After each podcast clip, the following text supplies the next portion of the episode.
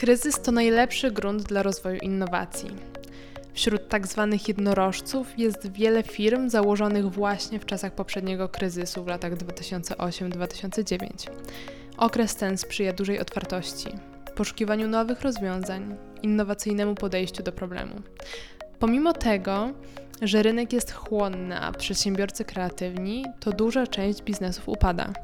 Czynników, które wpływają na przeżywalność startupów jest wiele. Od zdolności sprzedażowych, zaangażowania założycieli w rozwój produktu, pogotowość rynku i atrakcyjność pomysłu.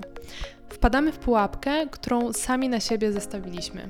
Jesteśmy tak zachwyceni swoim pomysłem, pełni energii do jego realizacji, że nie weryfikujemy, czy ktoś poza nami rzeczywiście widzi wartość w naszym produkcie. Wartość, za którą gotów jest zapłacić.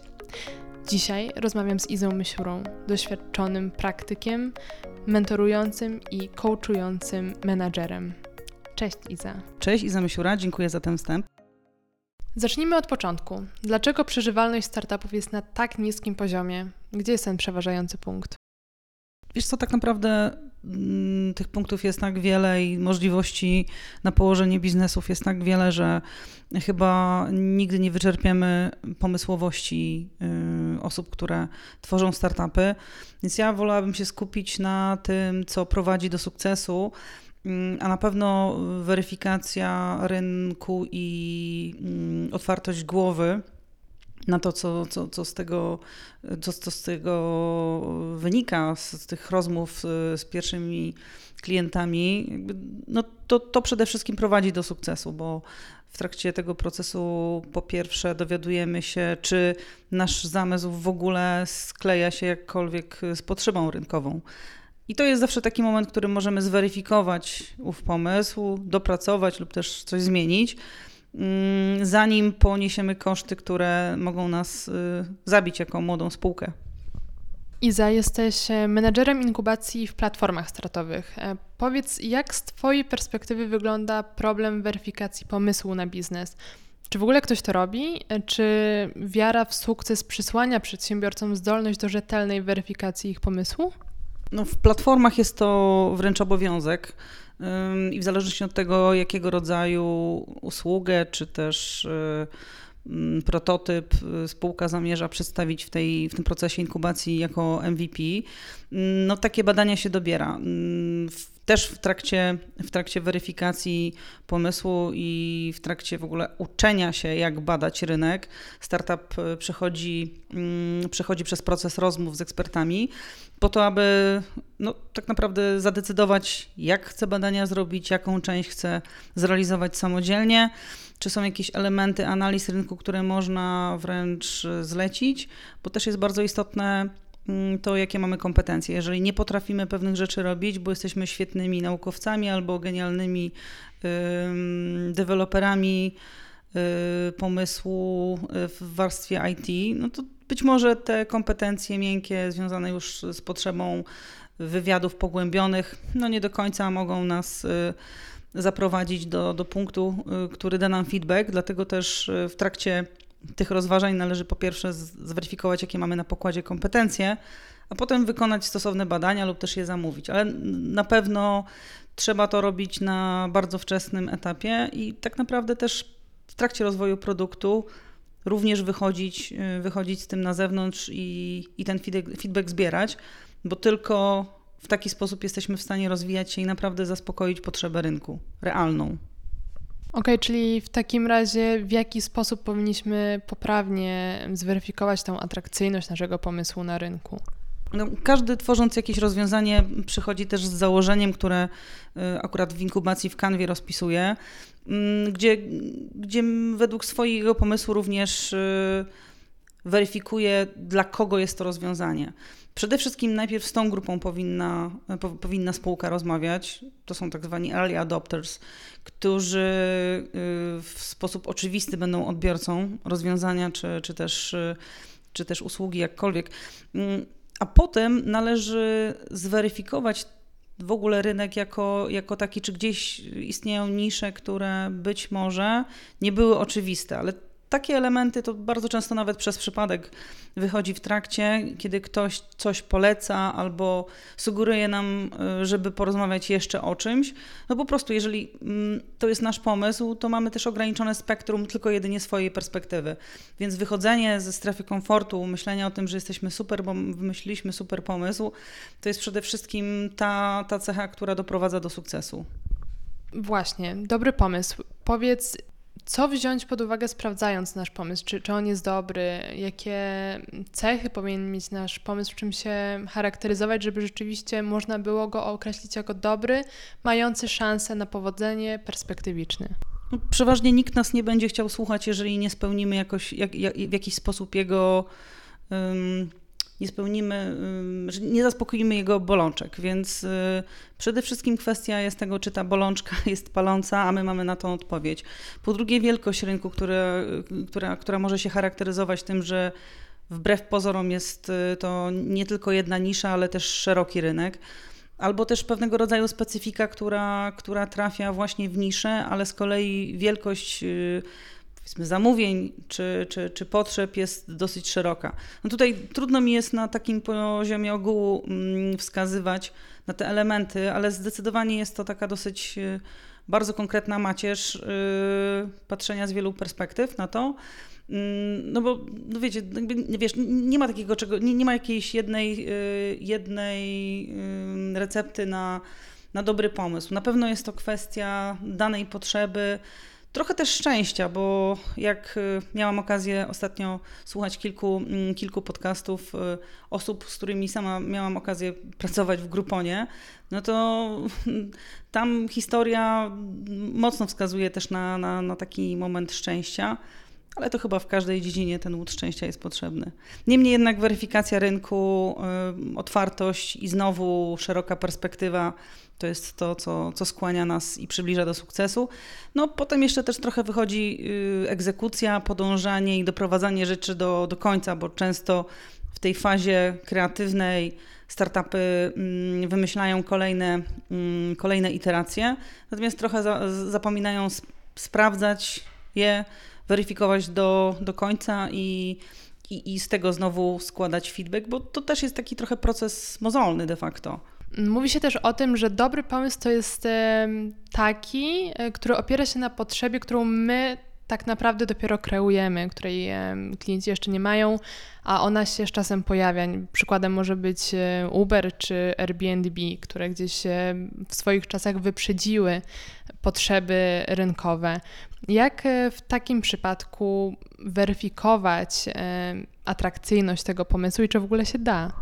No to jest bardzo dobry przykład, y, ale ja się trochę nie zgodzę z tym, że ta potrzeba była w jakiś sposób wykreowana, bo to potrze- jakby teraz musimy powiedzieć sobie o tym, jakie to były potrzeby. Natomiast y, mm, z mojej perspektywy ja uważam, że to jest po prostu rozwiązanie, które takie trochę thinking out of the box, które pokazuje, że daną potrzebę można w inny sposób rozwiązać. To trochę tak jak z kalkulatorem i wcześniejszym liczydłem gdzie i to, i to pozwala coś przeliczyć, natomiast szybkość, jakość tego i możliwości są zupełnie inne. I tu jest trochę technologia, to jest oczywiście technologiczne rozwiązanie.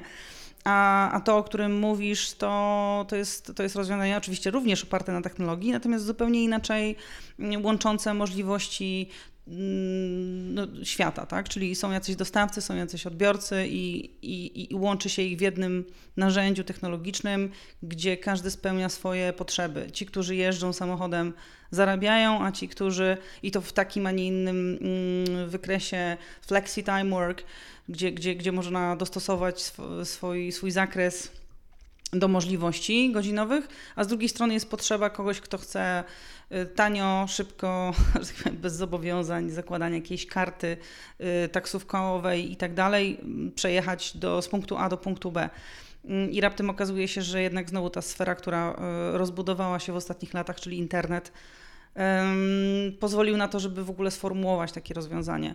Więc z mojej perspektywy to nie jest do końca kreowanie potrzeb, bo tak naprawdę chyba jak patrzę na potrzeby, to, to, to one są stałe, jest ta piramida Maslowa i, mm, i, i właśnie to, co jest najistotniejsze, to są rozwiązania, z którymi startupy przedostają się na rynek.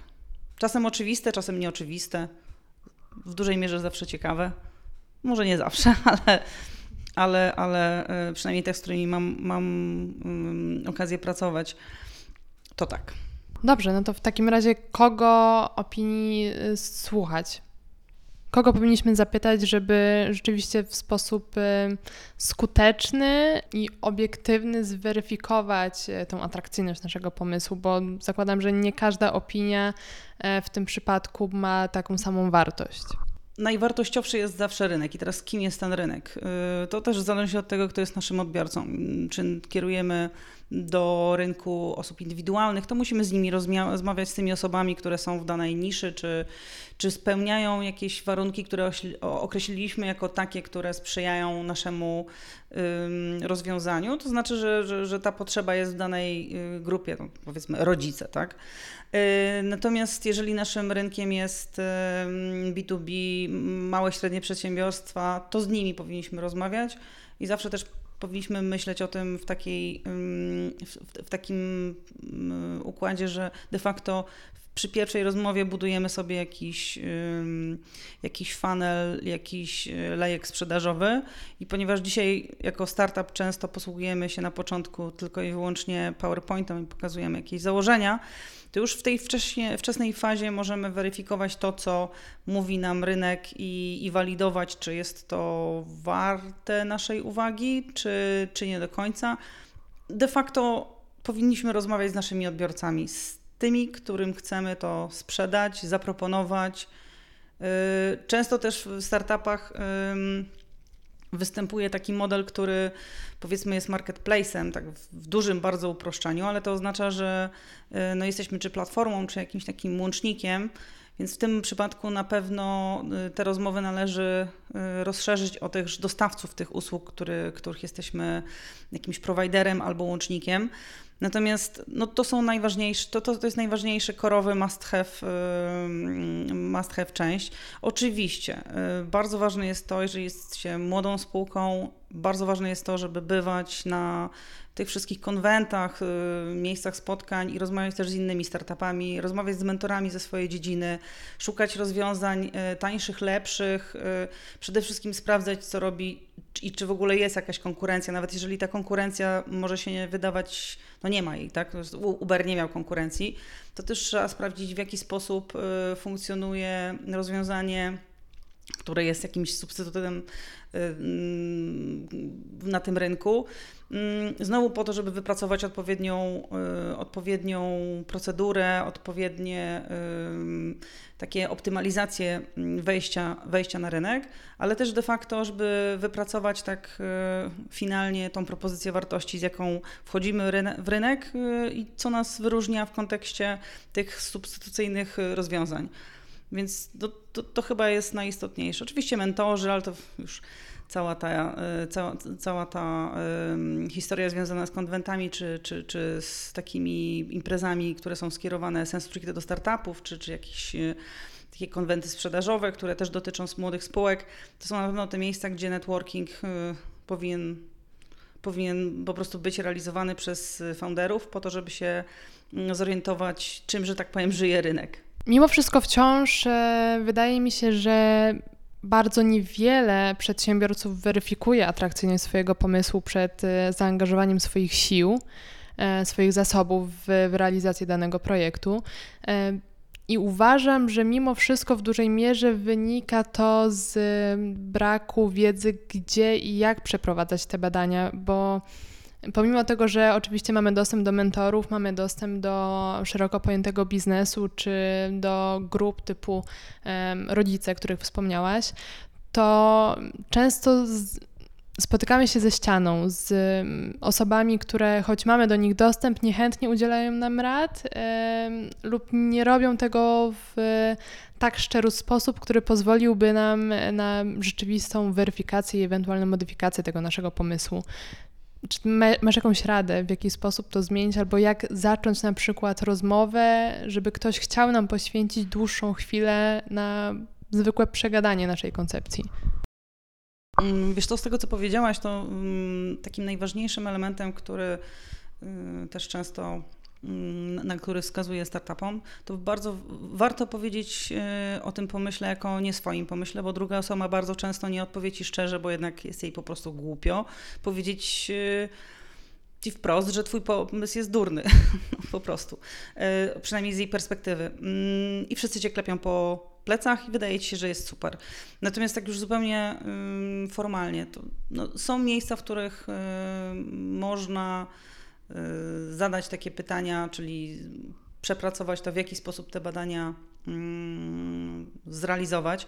No są też tego rodzaju badania, gdzie, gdzie, gdzie trzeba założyć pewien budżet dojścia do interlokutora, do osoby na przykład decyzyjnej na wysokim stanowisku, ale trzeba to traktować jako inwestycję w to, że dzisiaj wydajesz x złotych po to, żeby mm, za pół roku nie mieć poczucia, że y, Y złotych wydałaś na budowę produktu, który nie został zwalidowany, więc na pewno jest to warta, warta inwestycja swoich pieniędzy. Y, I w zasadzie, no nie chcę powiedzieć, że każdych pieniędzy, bo oczywiście młoda spółka to nie jest, y, to nie jest y, miejsce, w którym pieniędzy jest za dużo. Natomiast badania przeprowadzone adekwatnie do potrzeb dają bardzo duże przełożenie na sukces, naprawdę. A w przypadku, kiedy już na samym początku e, prowadzenia działalności wiem, że moim rynkiem docelowym jest rynek zagraniczny, a nie rynek polski, to jak ja mam do tego podejść?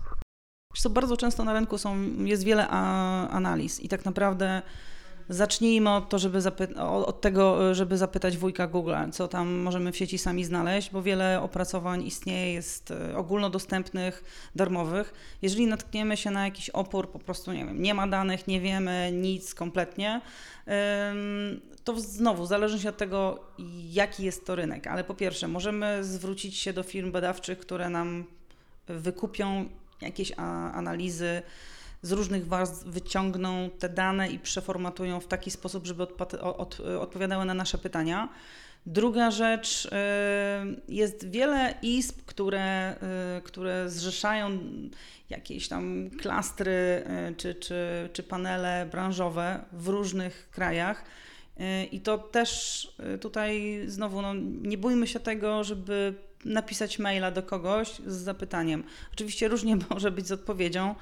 Mm, ale znam takie przypadki, gdzie na przykład w Holandii jest e, izba, która zrzesza mm, w zasadzie wszystkie firmy logistyczne i tam bardzo szybko można odpowiedzieć sobie na pytanie, w jaki sposób tą logistykę zrealizować i czy jest to możliwe, jak można to najlepiej przeprowadzić, czy są jakieś mm, aberracje, jeżeli chodzi o jeden, jedno miasto w stosunku do drugiego. Ja na przykład o tym nie wiedziałam gdzieś tam parę lat temu, y, myśląc o Holandii jako o rynku docelowym. I też przez przypadek, będąc, y, biorąc udział w, w takim konwencie startupów, y, miałam okazję poznać osobę, która poznała mnie z osobą, a ta osoba powiedziała mi, że jest takie rozwiązanie networking, tak? Ale przede wszystkim internet bardzo dużo daje informacji. Są firmy, które które są w stanie też nam pomóc w sposób profesjonalny. No i oczywiście własnymi siłami. No tutaj już trzeba mieć ten zapał do tego, żeby szukać, mieć tą sportową złość researchera, że wygrzebie choćby z podziemi pewne dane. Mm, no i to chyba jest coś, od czego powinniśmy, powinniśmy zacząć. Y, tempo wejścia na rynki zagraniczne, no to też tak trochę historycznie można posłuchać y, osób, które są w tej chwili guru niemalże w swoich dziedzinach. Chociażby przypominam sobie teraz tak na pierwszy, na pierwszy rzut Michała Sadowskiego, który, który gdzieś tam mówił, że z Brand24 super za późno wyszli z perspektywy mm, jego, znaczy może nie obecnej, ale to już sprzed kilku lat, ale, ale, ale kiedy mówił, jejku, no, mogliśmy to zrobić wcześniej. E, więc też nie bójmy się e, wychodzenia e, za granicę, bo jednak jeżeli jesteśmy gdzieś tam w tej warstwie internetowej, to bardzo wiele rzeczy można w bardzo prosty sposób y, po prostu skalować na inne, inne kraje. Nie musimy się zamykać w Polsce, zdecydowanie. E, w przypadku tworzenia biznesu, tak jak e, podczas tworzenia całej komunikacji marketingowej, która, jak też wiemy, jest niezbędna, mm, niezwykle istotne jest precyzyjne określenie profilu klienta. Nie wystarczy nam e, powiedzenie, że naszą grupą docelową są rodzice, musimy podać dużo więcej cech opisującej opisujących ich, żeby po prostu pokryć ich potrzeby. E, I powiedz, jakie, jakie czynniki powinniśmy uwzględnić, określając taką naszą grupę? To bardzo dobrze jest tak wejść w buty naszego odbiorcy. Mm, nierzadko jest to, jest to proces stworzenia kilku person, ale nie na zasadzie mężczyzna w wieku 40-45, y, pracujący w korporacji o dochodach od do, tylko trzeba powiedzieć, że jest to Darek y, z firmy X, który codziennie ma takie, a nie inne bolączki, tak się na przykład odżywia, a taki, takie sporty uprawia, dojeżdża do pracy w taki, a nie inny sposób, ma dziecko lub też nie, więc tak jak mówię, wejść w buty, stworzyć kilka albo nawet kilkanaście takich person. Oczywiście gdzieś tam potem wychodzi w roi, kto jest tak naprawdę naszym odbiorcą, tym, który, który y, no, robi nam tą, te, te przychody. E, natomiast z tej pierwszej perspektywy y, tworzenie person w takim bardzo szerokim pojęciu, czyli w, jak ja to mówię, wchodzeniu w buty tych osób, daje nam też taką perspektywę tego, co jeszcze możemy zrobić i czy to rozwiązanie, nawet jeżeli ono jest dobre, czy nie może być jeszcze lepsze poprzez jakiś mały pivot. Mm, a odnosząc się do kwestii finansowej, kwestii, o której moim zdaniem wciąż y, za mało się mówi, a która przysparza bardzo wielu trudności, mm, jak wycenić nasz produkt? Gdzieś jak wychodzimy z naszym pomysłem e, na rynek, czy to podczas rozmów z potencjalnymi inwestorami, pada zwykle pytanie o przewidywane przyszłe przychody. I to też jest związane jednak z kosztem, z ceną, jaką oferujemy, jaką, jakiej oczekujemy od naszych klientów, czy to B2B, czy to na rynku B2C. I powiedz, w jaki sposób tak naprawdę możemy wycenić coś, e, co dopiero kreujemy, bo gdzieś e, za niska cena jest e, troszeczkę nas stawia w niezbyt dobrym świetle, z drugiej strony zbyt wysoka cena, rażąco wysoka cena sprawia, że jesteśmy, że możemy być postrzegani trochę śmiesznie, jako nieprzygotowani do rozmowy.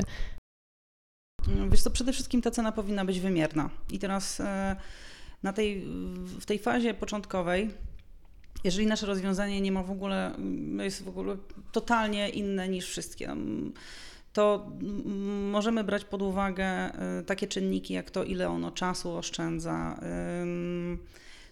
co daje, co, co wynika z propozycji wartości, co daje, y, co oszczędza, jakie korzyści ze sobą mm, niesie, a potem sprawdzić, na ile te walory są wyceniane przez naszą grupę docelową, czyli jeżeli mm, pytasz swoją grupę docelową, to możesz y, powiedzmy zadać takie pytanie jak ile byś zapłacił za 5 godzin y, zaoszczędzonego czasu w ciągu dnia na przykład, albo y,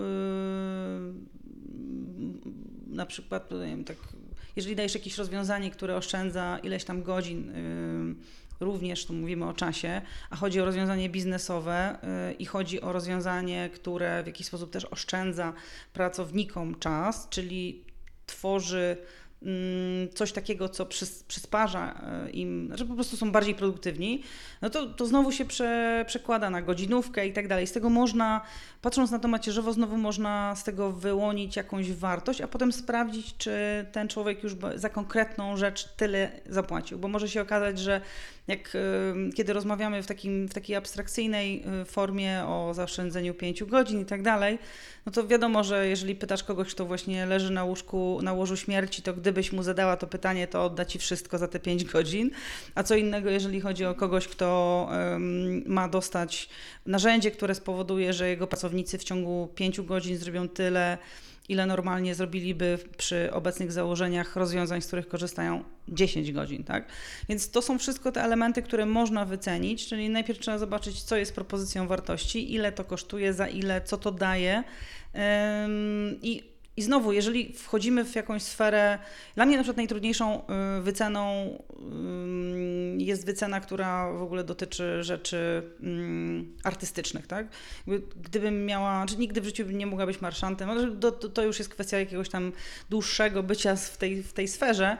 Natomiast bardzo często, znaczy znamy to uczucie, kiedy patrzymy na jakiś obraz, y, ktoś mówi, że to nam kosztuje ileś tam milionów, a ja mówię, kurczę, sama bym to domalowała, tak?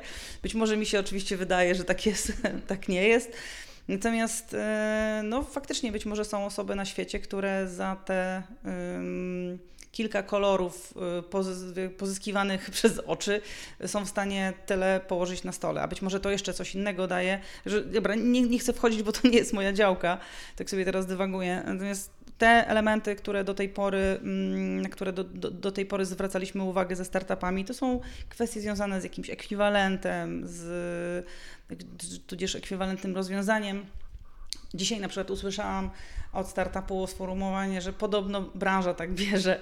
E, no i, e, no i moja odpowiedź była, podobno Zenek spotkał Marysię na, na rogu Kruczej i teraz no to takie jest trochę mm, podejście lekko żartobliwe, Natomiast y, zmierzam do tego, że y, jaka branża, czy ta branża ma większość rynku, jeżeli tak, jeżeli jest liderem, to jaka jest jej, jej propozycja wartości, czy ze względu na to, że jednak jest y, liderem, to ma zaufanie, jeżeli my nie mamy, to być może powinniśmy się przebić jakąś niższą ceną, stworzyć też odpowiedni pricing, bo jeżeli chcemy pokazać tą warstwę, że jesteśmy w tej propozycji wartości, którą lider w tej chwili proponuje, dajmy mniejszą cenę, żeby pokazać siebie. W rozbudowanej warstwie tej propozycji wartości zróbmy oczywiście odpowiedni pricing i tak dalej, i tak dalej. No i to, to już jest ta inżynieria ceny, która nas doprowadza do tego, mm, żeby znowu nasz klient podejmował właściwą decyzję, jeżeli chodzi o, o mm, propozycję wartości, oczywiście w wersji pricingu. No, mogłabym o tym opowiadać bardzo długo, ale, mm, ale na takim ogólnym na takim ogólnym poziomie to wydaje mi się, że przede wszystkim to musi być po prostu mierzalne, czyli zauważmy na jakie elementy wpływa nasze rozwiązanie, a potem spróbujmy to wycenić i sprawdźmy z naszym odbiorcą, czy faktycznie on też tak to wycenia. Zmieniając trochę temat, y, mamy teraz dosyć y, ciekawy rynkowo okres. Y, I nie jest tajemnicą, że w sytuacjach, z jaką obecnie wciąż się mierzymy, kreatywność wielu osób wzrasta i powstają nowe pomysły. Mm, I jak to wygląda z Twojej perspektywy, jako menadżera inkubacji i osoby siedzącej od lat w biznesie? Jakoś nie umiem teraz um, takiego przykładu przytoczyć z, z ogródka naszych inkubacji, tak jak o tym sobie teraz myślę. Natomiast e, no, z pewnością e, sytuacja, w której coś się drastycznie zmienia, to jest, e, przypomnijmy sobie marzec tego roku, kiedy musieliśmy wszyscy siedzieć w domu raptem okazało się, że sprzedaż gier online wzrosła, nie będę teraz cytować, bo mogę zafałszować dane, ale bardzo, bardzo znacząco. Co to oznacza? To oznacza, że jeżeli rynek się zmieni, zmienia, a tak naprawdę rynek, no paradygmaty, no, podstawowe, podstawowe zasady życia społeczeństw takich gęstych w miastach, y, ale nie tylko, po prostu wszystkich ludzi no to pojawiają się szanse i pojawiają się zagrożenia. Dla jednych są to zagrożenia, dla innych y, te same elementy mogą być szansami i to jest moment, w którym na pewno osoby kreatywne wchodzą, y, wchodzą w tą rzeczywistość z tak otwartą przyłbicą. No, rynek y, dla na przykład agroturystycznych, agroturystycznych firm czy tam firm, no, gospodarstw agroturystycznych był, y, był straszny i, i, w zasadzie marzec wszyscy, wszyscy byli w ciężkiej żałobie, a potem okazało się, że przez lockdown Polacy nie wyjechali za granicę i w zasadzie y, no, ja słyszałam w porcie, w którym, w którym miałam okazję trochę popływać, y, tak w kontekście jachtów, że w tym roku nawet drzwi od stodoły z masztem i żaglem by pływały w czarterze. Więc no, znowu, to mogą być mm, to mogą być zarówno plusy, jak i minusy. Dla jednego te same mm, elementy, tak jak powiedziałam, mogą być wznoszące, a dla innych zamykające ścieżkę do sukcesu. Niemniej no, warto, warto bardzo szybko weryfikować to, co się faktycznie dzieje i na co to będzie miało wpływ w tych zakresach, jakimi się, jakimi się zajmujemy. Chociaż bardzo często jest to bardzo trudne, bowiem zależy, zależy na przykład od y, zmieniających się co dwa tygodnie jakichś takich rządowych y, nakazów, to chociaż w tej chwili, w tej chwili ma wpływ na rynek lotniczy. I tak na dobrą sprawę, no na dzisiaj nikt nie, nie jest w stanie określić, czy na przykład y, we francuskie Alpy polecimy już w listopadzie, tak? To jest pytanie, na które nikt sobie nie potrafi odpowiedzieć. E, Trzeba przyjąć, że na pewne rzeczy nie ma się wpływu, ale trzeba też y, przyjąć to, że reagować należy no, odpowiednio szybko. A tak trochę przekornie na koniec, czy w przypadku, kiedy mamy do czynienia z tak dynamicznym okresem, em, ten proces walidacji pomysłu jest tak naprawdę potrzebny? Czy po prostu bierzemy pod uwagę to, że odpowiadamy na bieżąco na pojawiające się jakieś zapotrzebowanie rynkowe i to jest wystarczające? Wiesz, jakbyś mi zadała to pytanie w kontekście maseczek na początku pandemii, to bym powiedziała, wiesz, no nikt się nie zastanawiał, czy te maseczki mają być czerwone, czy może mają mieć y, zielone napisy, tylko po prostu chodziło o to, żeby one zaistniały. Także, ale to jest wyjątkowa sytuacja.